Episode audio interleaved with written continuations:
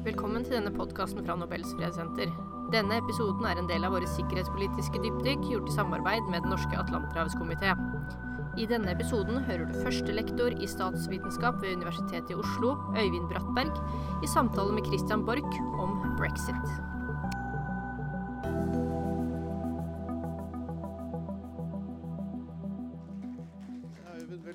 Til vår, vår krakk og vårt bord. holdt jeg på å si. Det slår meg plutselig for sånn déjà vu-følelse, for jeg har hatt deg i diverse studier opp gjennom årene i NRK-sammenhenger og andre, så det er liksom ikke noe nytt for oss, dette her, på en måte.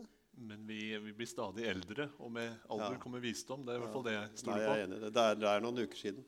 Altså, Den dagen Boris Johnson ble utnevnt til statsminister i Storbritannia, så hadde Guardian en sånn spissformulering i en, på en lederkommentar hvor det sto at 'klovnen er kronet'. Nasjonen brenner. Eh, gjør den det? Brenner nasjonen? Det gjør den langt på og i, flere henseende. Det, det brenner i alle fall for de som er opptatt av eh, demokrati og slikt. Og politikeres evne til å, å levere på det råd de har bedt om fra sine borgere. Det er et spørsmål som brenner. Konstitus- Konstitusjonelt hvordan et parlamentarisk demokrati skal henge sammen, i hvilken grad den skal ha grunnleggende spilleregler man må holde seg til, og hvordan de spillereglene skal se ut.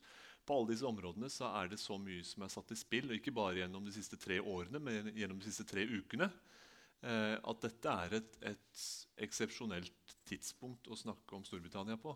Nå blir man etter hvert trøtt av det, fordi alt har virket så eksepsjonelt i, i veldig lang tid. Men her og nå så står vi ved et, eh, et slags klimaks. Det gjør vi utvilsomt. Det er jo altså sånn sant, at vi, vi var veldig oppskjørtet over Donald Trump i begynnelsen, og så ble det mer og mer vant til etter hvert. Og så liksom datt gassen ut av det. på en måte. Først var det virkelig høykonjunktur for journalistiske tjenester. ikke sant, Og så ble det ja, Orker vi holde på med dette lenger nå? Men her er det jo altså, det kommer stadig nye ting. Boris Johnson suspenderer parlamentet. Han bruker altså mulighetene han har til dette, uten at det da skal være ukonstitusjonelt i og for seg, men det er altså i strid med britenes sans for fair play etc. Så han, eh, han gjør jo noe som britiske politikere according to its own Britishness ikke gjør. Jeg tror stikkordet 'fair play' er, eh, er eh, klokt å gripe til. Fordi så mye i britisk statsskikk så vel som parlamentarisk praksis er kort og godt fundert i antagelsen om fair play. Man har noen konvensjoner og noen sedvaner, men det handler om hvordan ting har blitt gjort, og, og løselig hva slags praksiser som har rådet.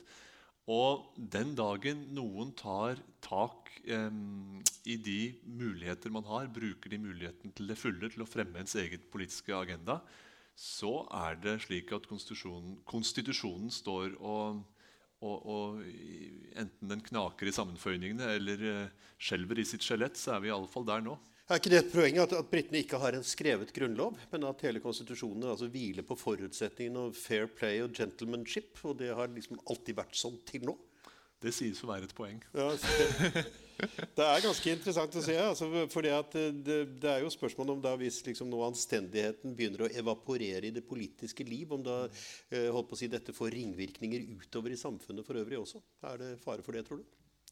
Altså at liksom Hele dette konseptet av det britiske på en måte som hviler liksom på den der skjøre balansen av hva som er fair play og gentlemanship, blir uh, påvirket? blir, blir forrykket. Det er jo, det er jo interessant at, at alt dette foregår i, i kulisser som, som er på et vis Alle som har sett bilder fra, fra House of Commons og fra, fra Westminster, de vet jo at det er grunnleggende teatralsk og grunnleggende fundert i en slags pomp og prakt. Um, og nå er det jo eh, nærmere en, um, en tragedie, det som, det som framføres. Altså politikere som er som for det første er, er um, grunnleggende ute av stand til å samarbeide. For det andre er ute av stand til å finne løsninger på, på, på noe som helst. Og da blir det slik at, at man kan lure på om, hele, om det hele i bunn og grunn er staffasje. Om det egentlig bare er et stort teater som man, som man egentlig kunne ha,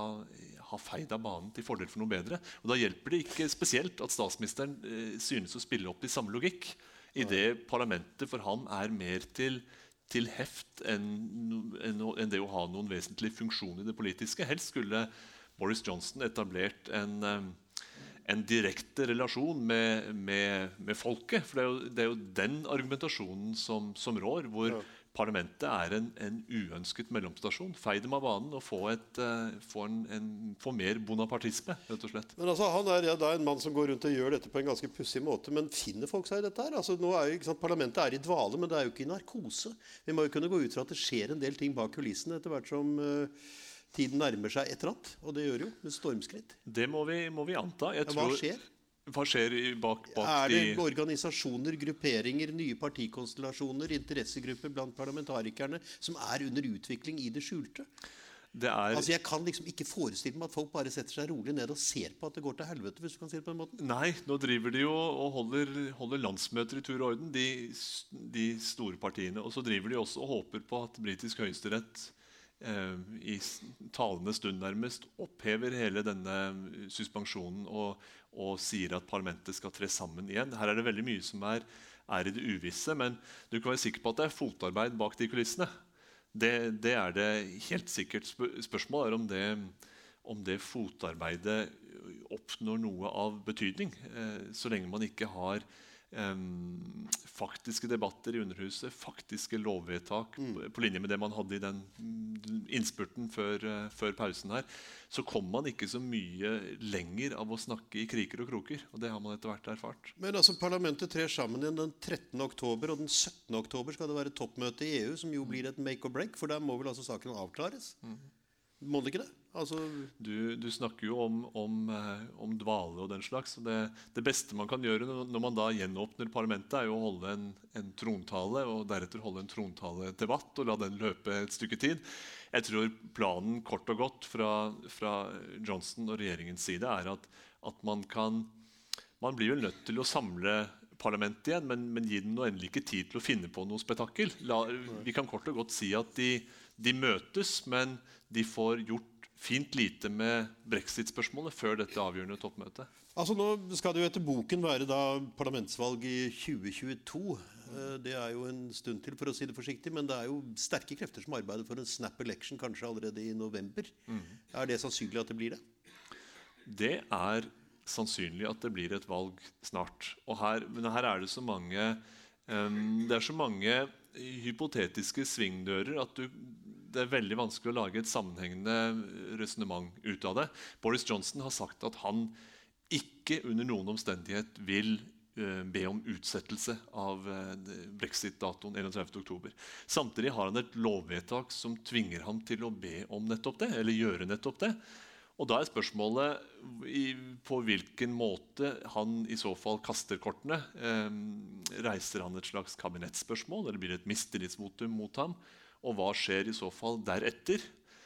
Eh, uavklart situasjon, men sannsynlig med et valg eh, i god tid før jul. Muligens et valg parallelt med at man faktisk har fått en utsettelse fra EU, slik at dette valget skal på et eller annet vis eh, på, mag på, på magisk måte bringe løsningen ned fra skyene. Man kan altså rolig si at man stadig er forvirret, men på et gradvis høyere og høyere nivå. Jeg har erfart etter hvert at eh, å diskutere disse sakene handler i bunn og grunn om å heve forvirringen opp på et høyere nivå. Og det, slik at vi kan eh, nærme, oss de, nærme oss den virkelige tåka. Da har vi, da har vi oppnådd noe. Men er det, altså, det, det, som, det som vil, kanskje virker ganske underlig på, på, oss som sitter i en sånn eh, ja, tilkjempet, selverklært normalitet i utkanten av dette her, det er jo at det er ganske pussig å tenke seg at han faktisk kan vinne et flertall. For han kan altså få et flertall for uh, lojale partimedlemmer i, uh, i, parlamentet hvis det går mot en snap election nå. Problemet uh, hos folk som, som, deg og meg og mange nordmenn. Skjønt jeg skal ikke undervurdere deg, men undervurdere mange av oss andre, kanskje. Vi, vi leser Guardians nettutgave, og så antar vi at vi har truffet hovedpulsåren i britisk offentlighet. Nei, Vi bør nok blande deg bort i litt annet. Vi bør nok ja, ja. ned i litt, litt, mer grumsete materie, kan ja. du si. Eller litt mer litt, fange et litt bredere, bredere spekter. Jeg tror nok det er um, for en nordmann, eller for oss iallfall, i dette rom, som er del av den den uh, urbane, velmenende klasse, så tror jeg ikke vi forstår alt i det britiske folkelivet. Vi, vi, forstår ikke så mye av det agget mot eh, politikerne, eller agget mot intelligensia, agget mot eliten. Jeg tror nok det er en ganske vesentlig porsjon av eh, britiske velgere som ønsker, for det første ønsker de brexit-sagaen avsluttet med et smell. Og for det andre så fester de lit til Boris Johnson fordi han synes å snakke rett fra levra og unngå å løpe rundt i sirkel slik mange andre tilsynelatende gjør. Ergo vil han ha en Dersom det blir et valg, et nyvalg, så vil han, han få sin porsjon av, uh, av støtten. Og hvis det bringer partiet til la oss si en 35% mens opposisjonen er splittet, så er det teknisk mulig med britenes valgordning at de konservative får rent flertall. Jeg hadde tenkt å komme litt, litt, senere inn på det, men siden du nevner det, så er det jo altså en interessant diskusjon i de fleste europeiske hovedsteder om hva det er i all verden britene egentlig driver med, og om denne folkeavstemningen i 2016 egentlig handlet så mye om EU, men at det egentlig dreide seg mer om en slags protest mot et system som etter hvert etter britenes oppfatning har gått galt. Mm.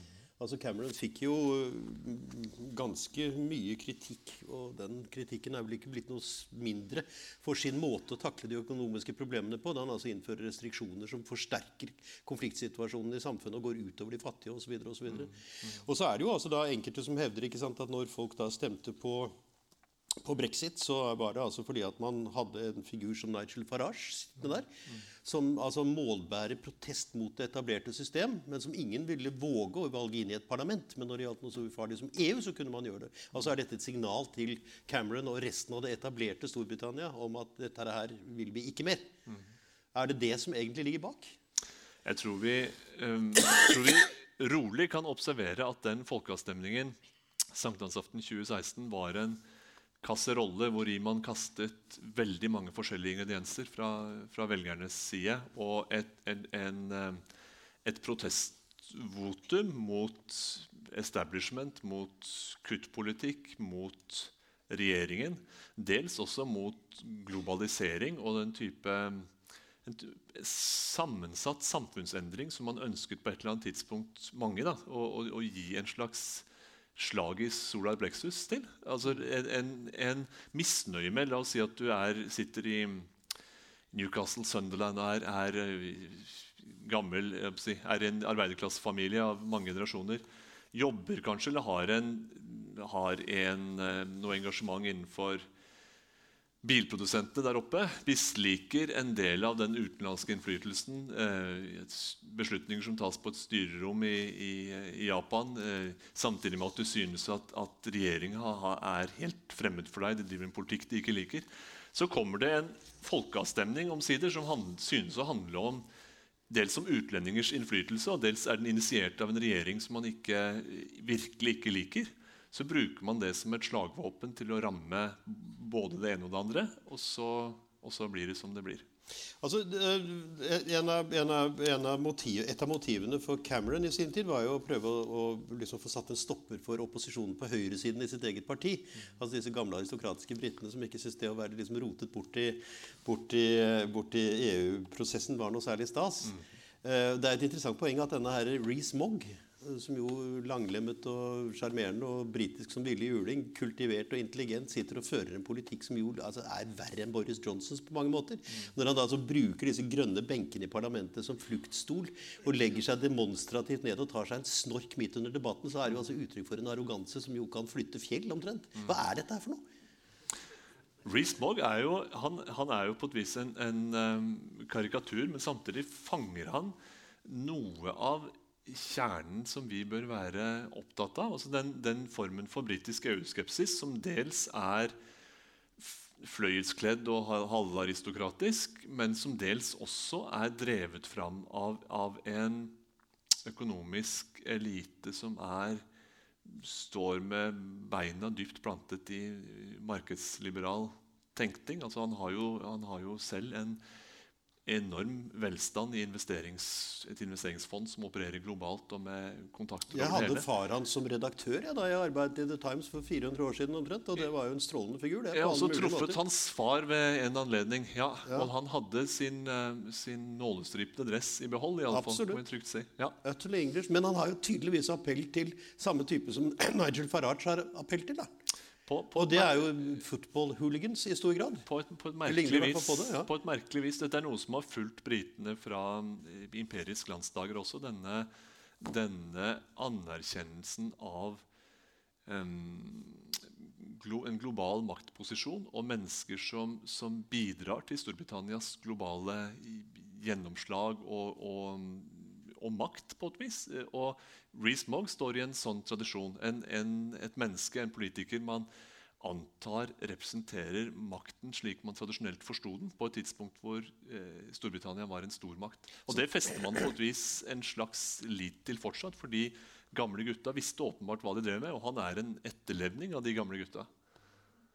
Altså, det, er jo, det er jo et eller annet når han, når han da hensleper sitt flere meter lange aristokratiske legeme i den demonstrative posisjonen i underhuset som han gjorde, så har jo dette altså da åpenbart en appell fordi han altså målbærer en litt sånn vulgær eh, forakt for det eksisterende, på en måte. Så det er jo altså et eller annet med at ytterpunktene møter hverandre her, er det ikke det? Det, Også, altså, det morsomme med det, midt, midt oppi det hele så sitter jo den mannen som leder det som er den konvensjonelle opposisjonen, nemlig Jeremy Corbyn. Mm. Som altså er da ikke sant, gammeldags sosialist i klassisk forstand og motstander av EU pga. 20-årenes antikapitalisme i de sosialistiske kretser. Mm. Som altså er syklist og vegetarianer og avholdsmann. Ja. Jeg mener, Hvor ubritisk kan du bli? på en måte? Han sitter jo liksom da det er, Ja, det er ganske rart makten tradisjonelt sett i Storbritannia er jo kledd i, i enten i det nålestripede eller i, eller i tweed. Og det er, en, det er, på et sosialt lag som er så belagt med, med, retten til lederskap og med en slags trygghet i form av retten til lederskap. At man kan eh, legge seg ut på de grønne benkene og ta, ta det rolig. Og På den måten så demonstrerer man også opposisjonens nakenhet i møte med de, de, de, de, gamle maktstrukturene. For når Corbyn står der som en, en, en nettopp en sånn avholdsmann uten sans for, for, livets dype skinnstoler, på et vis. Eller enda verre, de kvinnelige parlamentarikerne som, som på et vis står og kjemper for sine rettigheter. Så, så, faller det tilbake til et konfliktmønster som man kjenner fra historien. og Man vet hvem som hadde makten da, og hvem som fortsatt føler at de har den. Nå, nå, er det jo ikke bare da tweed og, og nålestrip som karakteriserer opposisjonen, der, men det er også en del av dem som går med altså, nagler i uh, kinnet og jern i støvlene sine. Jeg merket meg at lederne for uh, sikkerhetspolitiet i Storbritannia har advart politikere mot å bruke en for ekstrem retorikk i denne situasjonen. Og den advarselen er også rettet direkte til Boris Johnson. Uh, man har sett tendenser til at uh, arvtakerne etter National Front bl.a. har begynt å gjøre seg ganske sterkt gjeldende. Og de går jo i demonstrasjonstog og forteller at folk som da motkjemper eh, brexit, blir hengt i nærmeste lyktestolpe etc. etc. Mm. Kan dette tørne ut og bli stygt? Storbritannia og britisk kultur har denne uh, interessante, interessante dobbeltheten. At de er, på den ene side så er det et ytterst sivilisert og pragmatisk samfunn hvor, hvor, man kan stole på at, at, fornuften rår. Du kan rolig vandre gatelangs uten frykt for at det, at, at det er eh, opptøyer rundt nærmeste hjørne. Rent bortsett fra at det er nettopp det det kan, kan være. For foruten å være en, en, et folkeslag tufta på sunn fornuft, så finnes det også et, et voldelig potensial, som vi så i de ungdomsopptøyene tilbake i 2011. Vi så det i enda mye sterkere grad naturligvis under Thatcher-epoken. Dels med gruvestreikene, dels med eh, opptøyene rundt eh, såkalte koppskatten der på, på tampen av hennes regjeringstid. Den ble jo svært stygg, da. Muligheten mm. for, for, urban vold, ikke minst. Mm. Masse, altså spontane masseaksjoner som går helt på tvers av den stiff upper lip Eh, tradisjonen som er britisk. Så visst finnes det fare for at det kan, kan skje plutselige ting. Og i et massesamfunn så, så dreier det seg ofte om, om, svære proporsjoner. Ganske mye større proporsjoner enn hva vi kjenner i, i vårt lille land. Så det, visst er det skummelt. Ikke minst når dette er den djupeste og mest alvorlige krisen og den dypeste kløften tror jeg, i form av politikk som, som Storbritannia har stått overfor på veldig mange år. Så det potensialet er skummelt. Men, men, ut fra det du sier nå, så er det jo da holdt jeg på å si, vanskelig å forestille seg at man kan vende tilbake til normaliteten fra før folkeavstemningen. altså At du får den der klassiske situasjonen med to hovedpartier og så et lite vippeparti på midten, som du har hatt hele veien bortover.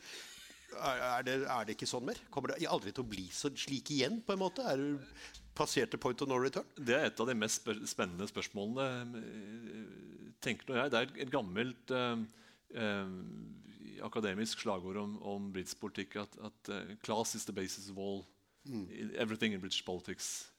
All else is embellishment and detail. Så enkelt forklart har du en høyre-venstre-akse hvor høyresida er, er uh, enten kvasi-aristokratisk eller markedsliberal, og så har du en venstreside som er sosialistisk. Det er hva politikken handler om. Mm.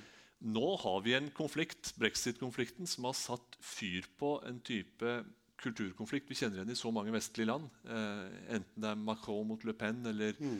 eller den rådende konflikten i USA, eller, eller, Vi skal unngå å trekke inn Skandinavia her, fordi vi har litt andre vilkår. Men den grunnleggende konflikten mellom det, det utadvendte, fremtidsrettede, globaliseringsvennlige og de som bestemt ikke ønsker noen av disse tingene, den konflikten har fått sin egen forsterkede form i, i brexit-spørsmålet.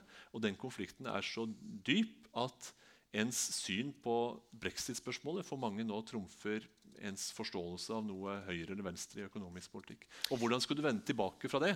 Jeg tror at etterdønningene kommer til å vare i mange år politisk. Alle de unge også som har blitt politisk sosialisert gjennom denne konflikten disse, disse, årene, det kommer til å prege politikken grundig. Og så er spørsmålet da om de store partiene klarer å fange opp og formes i lys av det, eller om man ser, enten man vil det eller ei, et mangfold av politiske partier vokse fram. Ja, det var det. Altså, nå har jo Boris Johnson kastet ut 25 medlemmer av det konservative partiet. Lett og elegant fordi de ikke mener som ham. Det er en interessant fremgangsmåte i et demokrati. i og for seg. En av dem er hans egen bror, faktisk. Mm. Eh, og spørsmålet Disse menneskene finner seg jo da en politisk forankring et eller annet sted. Vokser det frem nye partikonstellasjoner? Vil de liberaldemokratiske kunne være på en måte kjernen i en ny form for partistruktur? En ny form for tenkemåte her? Så langt har jo har liberaldemokratene sugd opp litt av hvert. Fra den, Både høyre og venstre? Eh, fra, ja, også fra, fra Labour tidligere, hvor problemet er dels en, en, eh, radikal økonomisk politikk som en del er uenig i, og dels antisemittismeproblemet, som også har støtt parlamentarikere fra seg. Så dette vakuumet i midten, eh, midten litt løselig definert, det må jo fylles av noe. Eh, Liberaldemokratene kanskje i stand til å, til å fylle det. De, I øyeblikket ser det jo riktig lovende ut. Men jeg tror for dem så avhenger veldig mye av hvordan brexit faktisk faller ned til slutt de har valgt å kjøre i akkurat det spørsmålet en veldig knallhard eh, linje. eller en, en, Markert seg som ytterste motpol i motsatt lei. rett og slett å si at Dersom de fikk makten, så ville de reversere punktum, uten mm. noen ny folkeavstemning. Bare reversere hele, hele prosjektet. Mm. Eh, og det spørs om det i det lange løp er regnet noen midtposisjon. For da har mm. man på et vis i brexit-spørsmålet trukket debatten ytterst i motsatt lei. Og det, det er neppe der tyngdepunktet finnes heller. Mm. Nå, da er det jo sånn, liksom en litt enkel oppfatning, da, kanskje, men altså, folkeavstemningen gikk gærent. Og folkeavstemninger går ofte gærent. Men det blir liksom sånn make or break. ikke sant? Og all verdens argumenter får jo fritt spillerom. Og det er jo ikke alle som er like begeistret for at det skal kunne påvirke helheten. Men er det et alternativ å artikulere et nytt spørsmål for en ny folkeavstemning rundt dette spørsmålet? En ny folkeavstemning ville være både det skumleste og det klokeste, tror jeg. Eh, avhengig av hvilket perspektiv man, man, ser det fra. Det skumleste, for, det skumleste virkelig, fordi det ser ut til å, å, bekrefte de verste fordommer om politikere som ikke evner å lytte, ikke evner å levere. I, i, hvis de til syvende og sist er uenig i folkets råd, så, så flikker de litt og så spiller de ballen tilbake. De er ikke i stand til å ta imot marsjordre. Eh, og jeg tror en ny eh, folkeavstemningsvalgkamp kan bli en ganske brutal, brutal affære. På den annen side så er det vanskelig å fri seg fra tanken på at det man vet i dag, er noe grunnleggende annerledes enn hva man visste våren 2016, da man spilte opp til denne folkeavstemningen. Og det å på et vis spørre folket på ny, gitt at man har noen klare alternativer å spørre dem om, Eh, det virker jo på mange måter som det mest redelige også. Jeg vil si Nesten uansett hvor du står i brexit-spørsmålet, så virker det etter dette vanvittige kaoset gjennom tre år, og vel så det, så ville det vært rimelig å lande på to kloke alternativer og spille, presentere de for, for velgerne på ny. Men da skulle det være to alternativer. for... Uh, Svenskene blant annet, har dårlig erfaring med å holde folkeavstemning med tre alternativer. Det, det, det leder mot et voldsomt uføre. Mm. Sannsynligvis for ikke noe enkelt alternativ rent flertall. Så blir det et tolkningsspørsmål og så blir det konspirasjonsteorier om hvem som har rigget ene og det andre. og da er, vi, da er moroa i gang på ny. Ja, du, må, du, må, være, du må vel lete et ja-nei-spørsmål? Ja, hva sier man ja til, da? Nei, Det måtte jo være om du er enig i den uh, løsningen som dette nå har ført til. eller noe i den retning da. Altså, ja. don't ask me. Det er, det er, ikke meg som skal svare på spørsmålet. Det er, du, men du har, kanskje, du har, kanskje, hørt uh, ikke, har noe, ikke har noe. Corbyns, uh, Labour-leder Jeremy Corbyns uh, siste forslag var at Først vil han vinne et valg, vil si han vil felle regjeringen og vinne et valg. Dernest så vil Labour forhandle frem noe litt bedre enn ja, det avtaleutkastet. Ja, og det skal ikke ta all verdens tid. Så skal man holde en folkeavstemning, og i den folkeavstemningen vil statsministeren forholde seg fullstendig nøytral. Det, det, høres jo på, på, på sånn Ved første, første, lytting så høres det jo kanskje kunne dette gå. Man, man, man, man får på et vis et, man får dette alternativet, eller remain, altså det ja, ja. å reversere det hele. Og så dytter man rolig ut i folket og blir sittende litt sånn og og, og, se hva som nå skjer. Men det er jo ikke gjennomførbart i praksis. Eh, hvordan kan politikere be folket om å holde avstemning uten å snakke med folket om saken, uten å anbefale verken det ene eller det andre?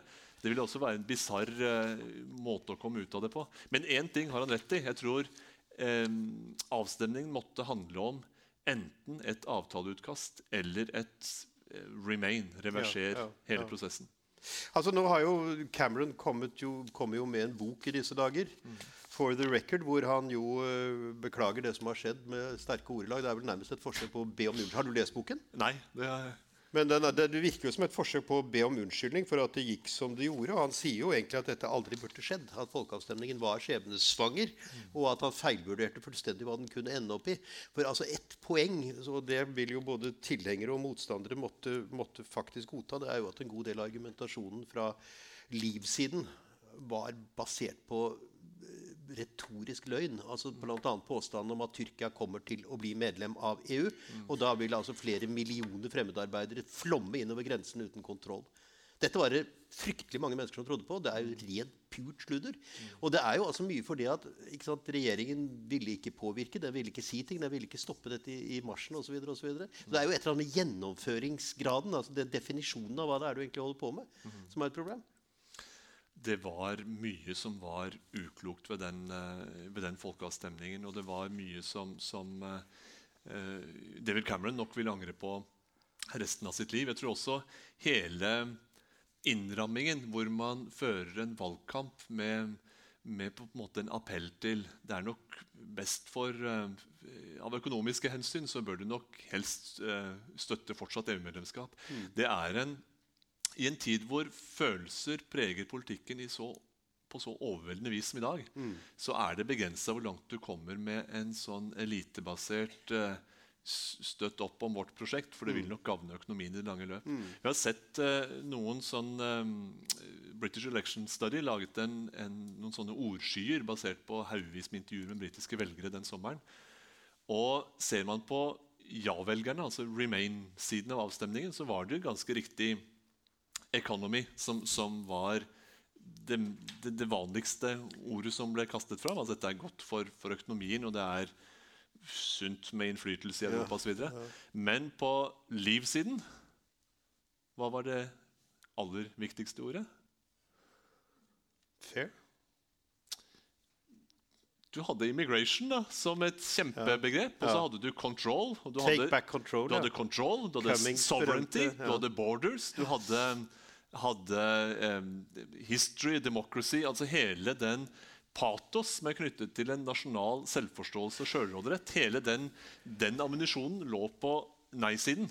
Og hvis patos ligger på, på nei-siden, og en litt sånn eh, ja, beskyttet elite appellerer til økonomien på, på ja-siden så er det ikke så rart at, at uh, en del mennesker trekkes i retning de krefter hvor følelsene rår. Det er mm. egentlig ganske enkelt Men er ikke dette et uttrykk for vår tids grunnleggende problem? Altså Etter hvert som politikken er blitt profesjonalisert, etter hvert som partier og regjeringskontorer, departementer osv. har fått medierådgiver som tenker som strateger, de planlegger kampanjer omtrent som om det var biler, bleier eller sydenreiser de skulle selge, mm. men det er politikere og politiske argumenter, så er altså hele den kognitive prosessen, altså det som går på liksom logikken og det hele, så overstyrende at det tar bort politikkens grunnleggende karakter, nemlig det følelsesmessige.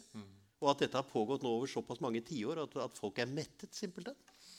Det er begrenset hvor langt du kommer med, med, teknokratiet. Det er begrenset hvor langt du kommer med gode råd fra sentralbanken osv.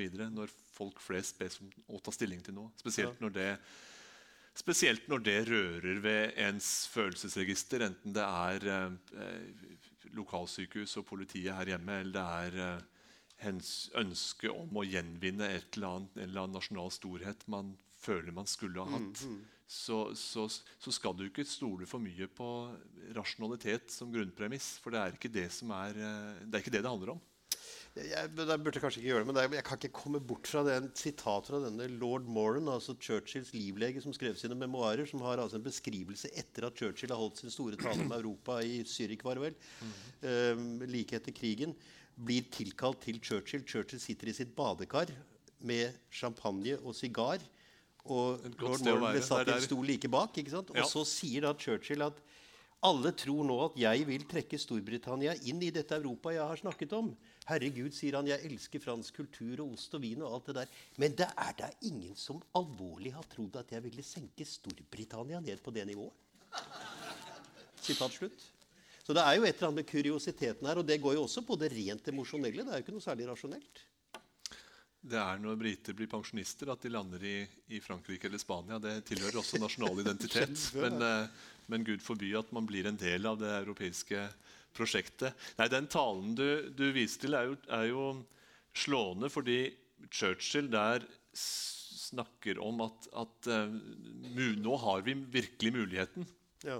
If you want to create the United States of Europe, or whichever form it may take, mm. we must begin now.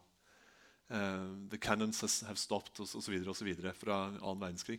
Så stopper du der, og så kan du undres kan dette virkelig ha vært patrioten Churchill, kan han ha snakket om United States of Europe, så bør man kanskje stoppe Ikke bare stoppe opp, men, men bla litt lenger ned i talen. Så sier han jo at, uh, at både Britain, United States and if, if God allows, Soviet Russia will support this project. And ja. Britain will be a friend and sponsor of an integrated Europe. Han sier det. Altså en venn og velgjører ja, ja, av det integrerte Europa. Ikke mer enn det, nei, nei. Og det er jo, altså, Man kan tro at det var fordums tankegods, men det er jo en variant av det samme som Cameron selv snakket om i mm. årene forut for folkeavstemningen. At han mm. ville da inderlig at eh, kontinentet skulle finne ut av det med hverandre. Framfor alt få en mer effektiv velstyrt eurosone. Altså, de kunne gjerne kjøre på, skape en føderasjon der og sørge for at den er godt styrt. Mm. Og så skal vi ta oss av frihandelen, og vi har i tillegg en del andre ansvar rundt omkring i verden, men mm. vi skal støtte dere. Så det er, den, det er en grunntanke som ligger, eh, ligger rett under overflaten og er fortsatt der. Nå er det vel også spørsmål om hva som skjer. Altså, det, jo, det, foreligger jo etter hva jeg forstår en del, eh, en del sånne uh, ja, krisemaksimerende mer eller mindre analyser av hvordan det hele kan gå hvis Storbritannia krasjer ut uten en avtale. Mm den 31. oktober. Og det er jo en del uh, ting som er ganske sånn foruroligende. Altså, det er snakk om akutt medisinmangel, det er snakk om matmangel, det er snakk om voldsomme køer på, på grenseovergangene etc. etc. etc. Og hvis dette skjer, altså hvis det blir en sånn situasjon, hva da? holdt jeg på å si? Da vil vel kanskje dette spørsmålet om en ny folkeavstemning tvinge seg frem igjen. Hvis det da overhodet er en mulighet for å komme tilbake. Det er det kanskje ikke.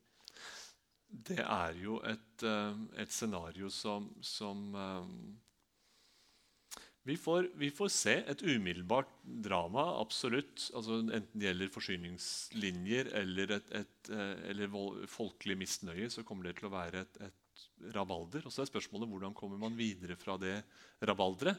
Dels praktisk med, med fortolling og, og framfor alt kontroll av, av varer eh, som skal passere grensen, men også hele det store bildet av eh, alt en handelsavtale skal innebære. Fordi Storbritannia er nødt til å forholde seg til Europa og finne ut av det med, med EU, også på linje med en lang rekke andre land.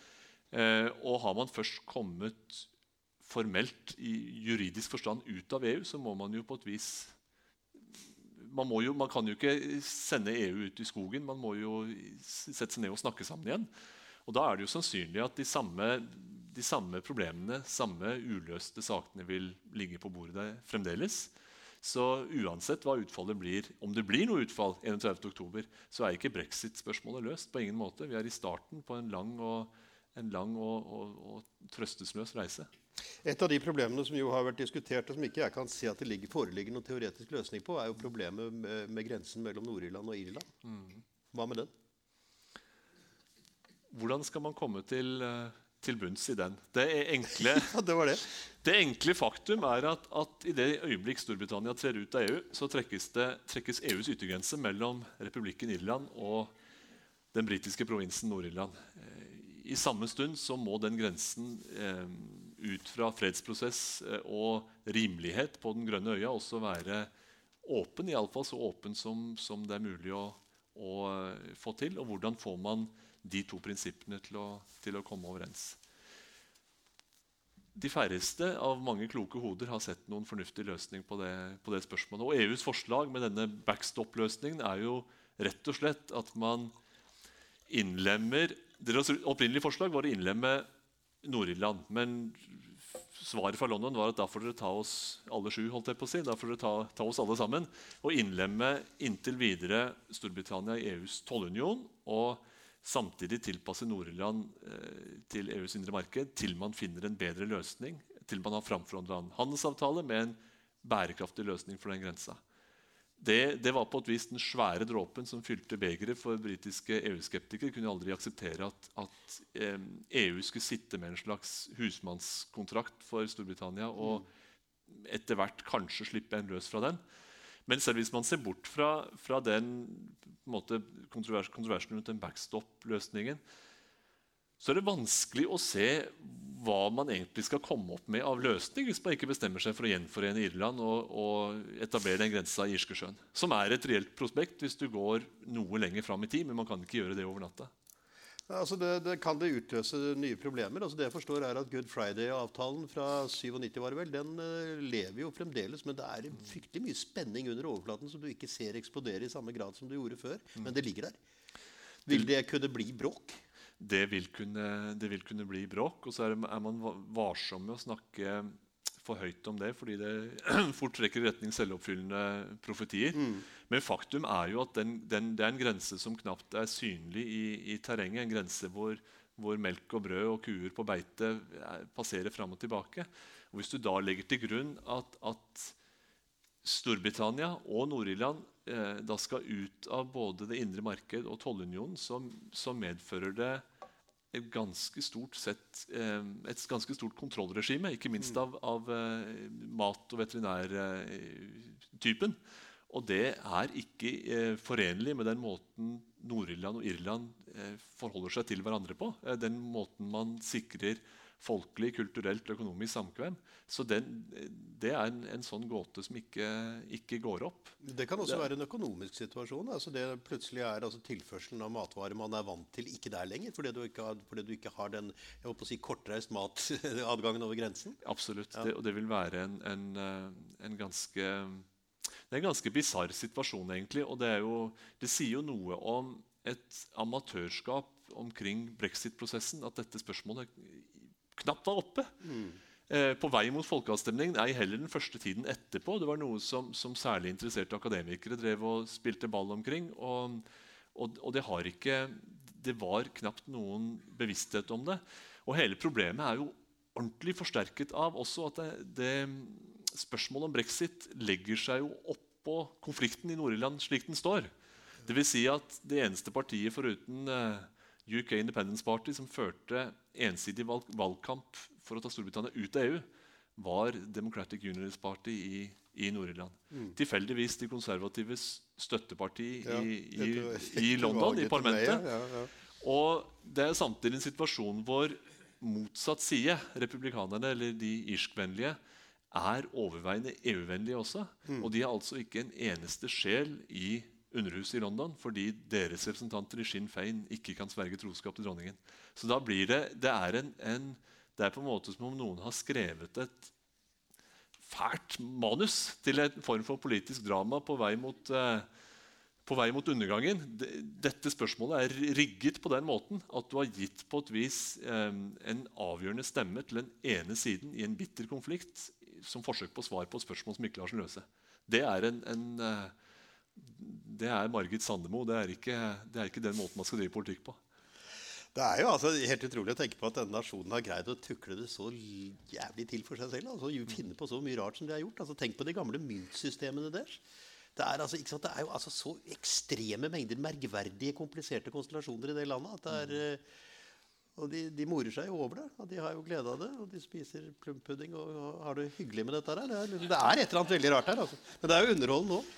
Og det er jo et poeng at vi liker det. London ligger jo liksom nærmere for de fleste nordmenn enn Trondheim inni hodene deres. Det, det, det, gjør det, og slik burde det, jo, burde det jo også være. og Nettopp derfor bør vi være bekymret når det som e-, egentlig er sjarmerende, eksentrisk og, og, og, dysfunksjonelt, men likevel fungerer på sitt vakre vis. Når mm. alt det plutselig en dag plasseres i en kategori som uløste problemer, mm. da bør man bekymre seg. Så vi bør bekymre oss for Storbritannia nå. Men det er vel også et bekymringsfullt element ved det er vel at det er kommet frem en del politiske typer i forgrunnen av politikken som ikke hører hjemme i dette bildet. Og Boris Johnson er jo på en måte nå en slags populist. Jeg ser altså National Front eller det, det, nye partiet som har overtatt etter det, de har jo altså tatt ham som en talsmann. De har jo gjort ham til en helt på sine hjemmesider osv. Og, så og, og det er ikke helt heldig. altså Dette er et rent fascistisk parti. Og så har du fenomener som Farage, som jo er i stand til å si absolutt hva F det skal være. ja, den er sagt. Helt skamløst, på en måte. Og det er uh, mye andre rare typer her som plutselig har kommet til å få betydelig større prominens enn de som da forvaltet dette mer aristokratiske underlige, mm. Artige, sjarmerende trekket? Man har um, slått ned en del skranker, altså gjort veien kortere til snarveier som tidligere ville være utillatelige. Jeg tror selve valgkampen omkring brexit-folkeavstemningen der, den bidro til å knuse en del tabuer for hva man kan og ikke kan gjøre i form av politisk argumentasjon. og i, i, altså man kan man kan tillate seg det meste. Og mm. Boris Johnson er et levende eksempel på nettopp det. Og det er jo et fenomen i vår tid at visse politiske ledere kan tillate seg det meste. Ikke minst kan de uten videre tillate seg å, å si usannheter og, og, rolig vandre videre. For, mm. for slik, slik, gjør man. Mm. Eh, og det er jo også noe som har lett for å bli selvforsterkende. For har man først etablert et mønster for det, så, så, så, har man det. Og det tar tid å jage den basillen ut igjen av politikken. Mm. Og det kommer til å ta tid i det, i det britiske, fordi det politisk korrekte etter hvert har et, eh, et dårlig rykte. Mm. Kanskje spesielt fordi det politisk korrekte ikke evner å finne løsning på vår tids største spørsmål for britene, som er brexit. Eh, kan man ikke stole på disse, eh, på disse som forholder seg innenfor eh, Eh, de, de, som forsøker å forholde seg til tidligere spilleregler og, og, drive en slags sømmelighet Hvis ikke de kan løse det, så kanskje det er bedre å lytte til en som tar alle midler i bruk. Da. Eh, og Derfor er veien kort til en, eh, et system hvor altfor mange tar alle midler i bruk. Det høres ut som det er sterke oppløsningstendenser her. Altså det, det, bildet som danner seg når du sier disse tingene, er jo at tingene rakner og detter fra hverandre i små biter. Rare steder og uten indre sammenheng. på en måte man kommer til et, et punkt også hvor, hvor, um, hvor, faste strukturer er noe man inderlig gjerne skulle ha hatt. Ikke minst i måten, man, måten politikken drives på. Mm. Her er jo Storbritannia har jo på en måte jo en, en, stor historisk stolthet i det å være fri fra, fra alle mulige stive strukturer og på en måte fast definerte mm. regler. Det er ikke sånn man driver um, politikken der. Det er ikke sånn man driver samkvem ellers heller. Man, fordi man stoler på sin, sin sunne fornuft og sansen, sansen på fair play. Ja. Mm. Eh, og man kan da se foraktfullt på, på franskmenn som driver et slags sånn konstitusjonelt eh, altså de, For dem er konstitusjonen en, en, en, helligdom. Selv om den har vært skiftet en fire-fem ganger, så er, den, så er, den, på en måte definerende. Mm. I Storbritannia trenger man ikke slikt. Men en høst som denne så kan man lure på om ikke det var nettopp det man, man trengte på, på, alle sider av debatten. Altså en, en konstitusjon som, som definerte hvordan man faktisk skal gå fram. Som gjør det umulig for en speaker i Underhuset å plutselig bli politisk aktivist. Mm. Og som gjør det umulig for statsministeren å gripe noen gamle sedvaner som var dronningens egne, til å, til å kaste ut parlamentet, f.eks. Mm. Mm. Um, det er som en del av det gamle polerte har blitt skuret bort av all ugreien som har rådet rundt brexit. og Nå er det på en måte naken makt tilbake, og det er mm. ikke noe vakkert syn. Mm. Det er uvakkert, faktisk. Mm. Og det er veldig uskandinavisk. Og det er også en, en, eh, en ting vi bemerker, vi bemerker, oss. fordi vi, altså vi kan et og annet om, om uh, politiske ufinheter uh, i, i, i, Norge også. Men det ligger en, en grunnleggende forlikstradisjon i alle fall, og en, og en kompromisstradisjon i det norske som gjør at man, man er i stand til å lytte til andre og samarbeide, enten det er av, av eh, vilje eller nødvendighet. Og, og det er annen, et annet trekk ved det britiske som har kommet dårlig ut gjennom denne prosessen. altså den voldsomt konfronterende politiske kulturen, hvor, mm. hvor ett lag står en, på den ene siden, og det andre laget står to sverdlengder unna. og det, mm. det, er umulig for dem å bygge noe konstruktivt samarbeid. Eh, og jeg tror de har trengt konstruktivt samarbeid i denne saken. Altså det, det, du sier nå, er for så vidt, det, det knytter seg også til de politiske strukturene og politiske instrumentene vi har. Men er det ikke en eller annen sånn bærebjelke i bunnen av den britiske kultur som forvalter en form for uh, Sunn fornuft er kanskje ikke det rette ordet, men altså en form for tradisjon for å få tingene til å gå i de mest vanvittige situasjoner, og som vil få det til denne gangen også? Du har lest om annen verdenskrig du, for, ja. Eh, som en del av forarbeidet? ja, jo, jo, det er ikke som en del av forarbeidet. Jeg har jo det, men, altså, det er jo, du tenker på som, liksom, hvordan Storbritannia klarte seg gjennom uh, gjennomførte sin egen koloniperiode på det, osv. så, videre, og så, videre. så er det altså et eller annet nede i bånn der, et eller annet sted som du ikke ser, og som du ikke uten videre kan gripe fatt i, løfte opp og definere. på en måte, Men det er altså et eller annet. The Britishness. En robusthet som gjorde, robusthet, at, du, der, ja. som gjorde at du kunne eh, legge til grunn at, at, eh, at folket sto, sto, stødig mens nasjonen forsvarte seg um, under annen verdenskrig. En, en, en, robusthet som gjorde at du kunne sende gutter i kakishorts til, til India, og de ville nok finne ut av det, eh, mm. osv. Ja. Men jeg vet ikke om den robustheten har eh, så mye relevans her og nå det, det vet jeg ikke. Eh, om denne altså konflikten, selvpåførte konflikten man nå står oppi, eh, om den er av så annerledes art at, at disse historiske referansene egentlig ikke gir oss så mye svar mm. på det som, som, står på her og nå. Eh, for det er, det er, også noe med, med, dette med å forsvare seg mot en, en, ytre fiende, eller det å forvalte et imperium, det å beherske verdenshavene. Det er jo det er imponerende, det. Men det å, å, bli enig med seg selv om noe som har skapt så mye indre splid, det er jo en annen type kompetanse som, som kreves. Det er ikke nødvendigvis eh, mandighet og robusthet. Ei heller sunn fornuft i sånn kjøpmannsforstand. Det er kanskje mer tålmodighet, konfliktløsning, litt mykere, mykere verdier kanskje, som ikke er så fremtredende, og som, og som kanskje burde ha vært det. Ja, jeg tenkte på, på si, tonen, i en, tonen, i en, hyggelig pub hvor, hvor, alle er der. på en måte. Alle klasser samles om da det viktigste i livet, nemlig å ha det hyggelig en kveld. Litt mm. sånn, det er et eller annet der som er ganske engelsk. Mm. Men hva, med, hva, med, hva, da med, med hele, hele, unionen, altså United Kingdom? Eh, vi snakket om Irland. Eh, de som jo er minst lykkelige med dette, så vidt jeg forstår, er jo skottene. Mm. Og de har jo vist klare tegn på at de ikke har lyst til å være med på dette her. I hvert fall en ganske god del av dem. Mm. De kan komme til å ville gjøre det igjen. Det er jo eh, det er mye å si om Skottland også når det gjelder eh, folkeavstemningen. Eh, altså EU-folkeavstemningen. For da, da, Cameron forberedte seg på den, så hadde han jo også den skotske avstemningen eh, friskt i minne. Mm. Skottlands folkeavstemning høsten 2014 om selvstendighet.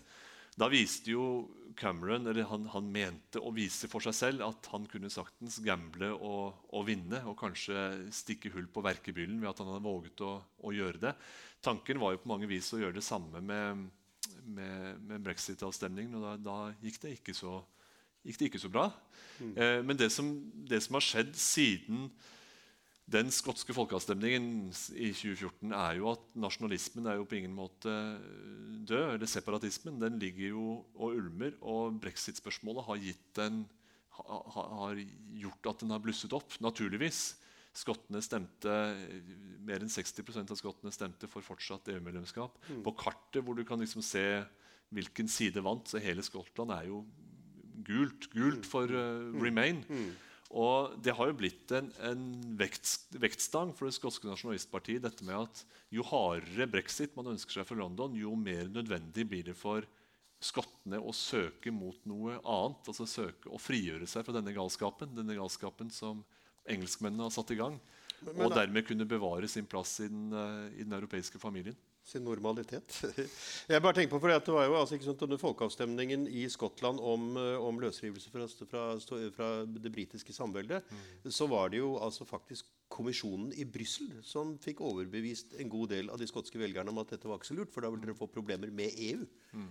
Og det er jo også en altså, ikke sant, 60% stemmer da for Remain når det er der. og sånt nå, Så de, mm. de, de er jo altså ikke sant, som, som nasjon samlet åpenbart på kollisjonskurs med det som foregår fra London sentralt.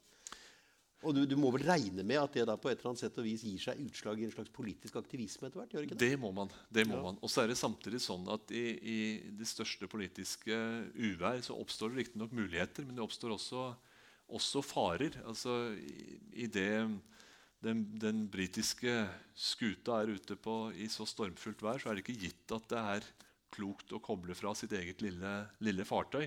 Det handler jo helt konkret om at dersom det blir en, en hard brexit, og Skottland i kjølvannet av det skulle bryte seg fri, så vil også Skottland naturligvis være avhengig av tette handelsbånd med både den ene og den andre part. Og Én eh, ting er en, en hard grense i, mellom Irland og Nord-Irland. Hva med en hard grense mellom Skottland og, og England? De har jo Hvordan, en mur der på forhånd. De har en mur fra, fra Hadrian, men ja. Eh, som i hvert fall delvis ligger på rett sted. Men, men eh, det, vil noe, det vil ikke være de enkleste omstendigheter for å si det slik, for å, for å bryte fri. Men samtidig så har det jo, det har jo synliggjort for mange skotter hvor, hvor fremmed man er for de, for de politiske spillfekterier i, i, London. Og det er klart En statsminister som Boris Johnson bekrefter, altså han, han er jo en inkarnasjon av en del av de fordommene skotter har mot den engelske eliten. Altså en sånn privilegert sørengelsk, blond tufs, privatskoleutdannet og, og Oxford-produkt som ikke skjønner det dugg av hva som foregår der oppe. Eh, og det er kraftfull mobilisering i det. Det får ikke blitt kraftigere mobilisering. Nei, det, det, det, gjør vel ikke det. Men altså, jeg hadde, apropos du altså, snakker om en blond overklassetufs. Altså, han er i hvert fall tjufsete. Dvs. Si han er jo blitt mindre tjufsete etter at han har klippet håret. Men altså, er han er han så gæren som han ser ut? Jeg spør fordi at jeg ser altså Politico tror jeg det er i dag, har en stor reportasje om at han driver altså en ganske intens sosial kurtise uh, av partivenner. Og da ikke bare folk som er tilhengere av det han driver med, altså en hard brexit, mm. men også folk som står på vippepunktet og har drevet, etter at han ble statsminister, en ganske intens selskapelighet. Mm. Hvor han altså inviterer folk på drinker og middager og greier. Dels på Checkers, altså på landstedet, og dels på nummer 10 Downing Street. Og dels på Simpsons on the Strand, som vel omtrent er noe av det mest engelske du kan få rote deg borti.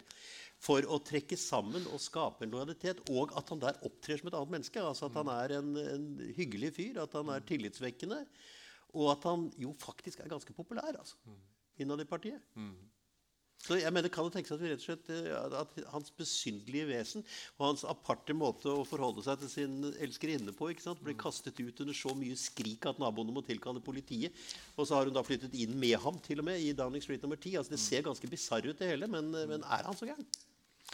Jeg tror um, Han kommer jo fra et møblert hjem. Det er det han sånn. gjør. Jeg tror, jeg tror mange um, kommer i en blindvei ved å sammenligne Boris Johnson med, med Trump, fordi de er det er riktignok noen likheter i, i, overfladiske likheter i, i, retorikk og måten å, å, kommunisere på.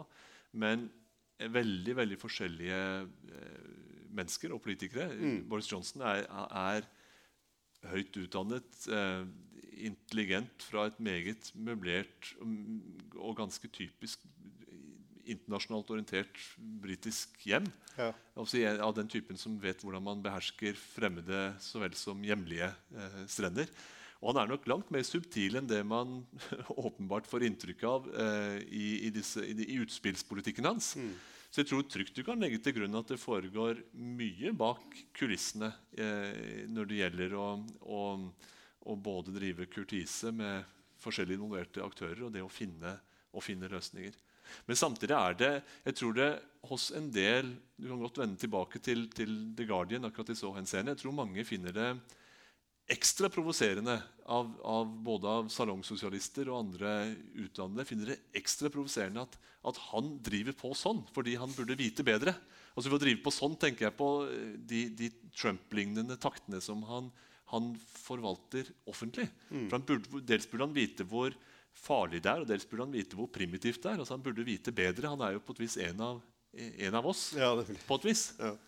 Eh, Så, så mm, det skulle tilsi at han ikke bare er subtil på bakrommet, men at han forstår betydningen av takt og tone og moderasjon også offentlig. Og der har han for lengst kastet takt og tone og moderasjon over bord.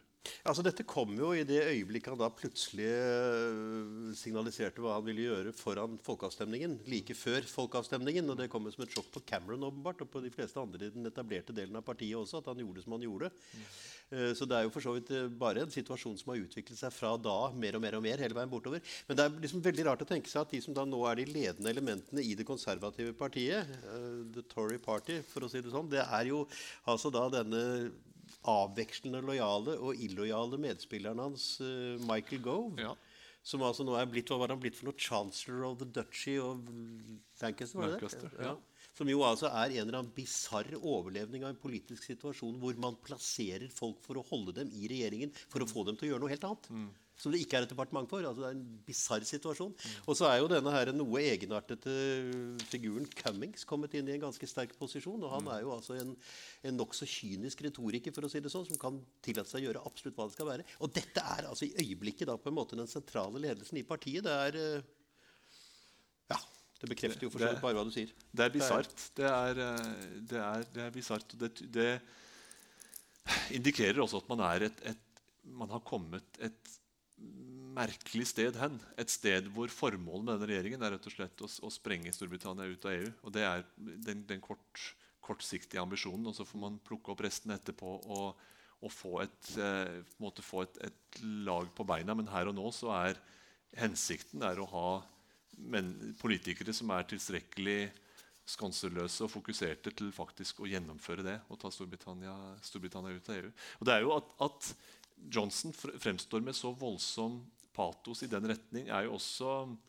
altså Med et litt lengre perspektiv er det jo også litt bisart, fordi han Du skal ikke sammenligne Boris Johnson med Trump, men du skal ikke sammenligne han med Anne Enger Landstein når det gjelder eh, sammenhengende og tydelig engasjement i EU-spørsmålet, så, så er han jo en, en spilloppmaker som, som sjelden kan sies å ha tatt det spørsmålet veldig seriøst. Men på et tidspunkt så bestemte han seg for at det var det opportunt å gjøre. Du fikk jo, fikk jo følelsen at han akkurat like godt kunne ha endt opp på den motsatte siden med like stor entusiasme. Han skrev da også to, eh, to artikler. Det var bare den ene som ble brukt. Og Ja. den andre, andre trakk ham i motsatt lei og ville brakt ham inn på Han Remain. fikk eh, juling for å Remain ha motsagt seg selv fra sin hovedfagsoppgave om Churchill. Gjorde han ikke det? Altså At han eh, siterte seg selv feil for Han, anledningen? Han det? siterte også, sin, ga også et falskt sitat fra sin gudfar og fikk den, av, den grunn sparken i, i The Times. Ja. han har, akademiske siteringer har han god, eh, god erfaring med. Men, men han har også erfaring med pro et kontra-argumentasjon fra universitetslivet. Og jeg tror Ja, ja.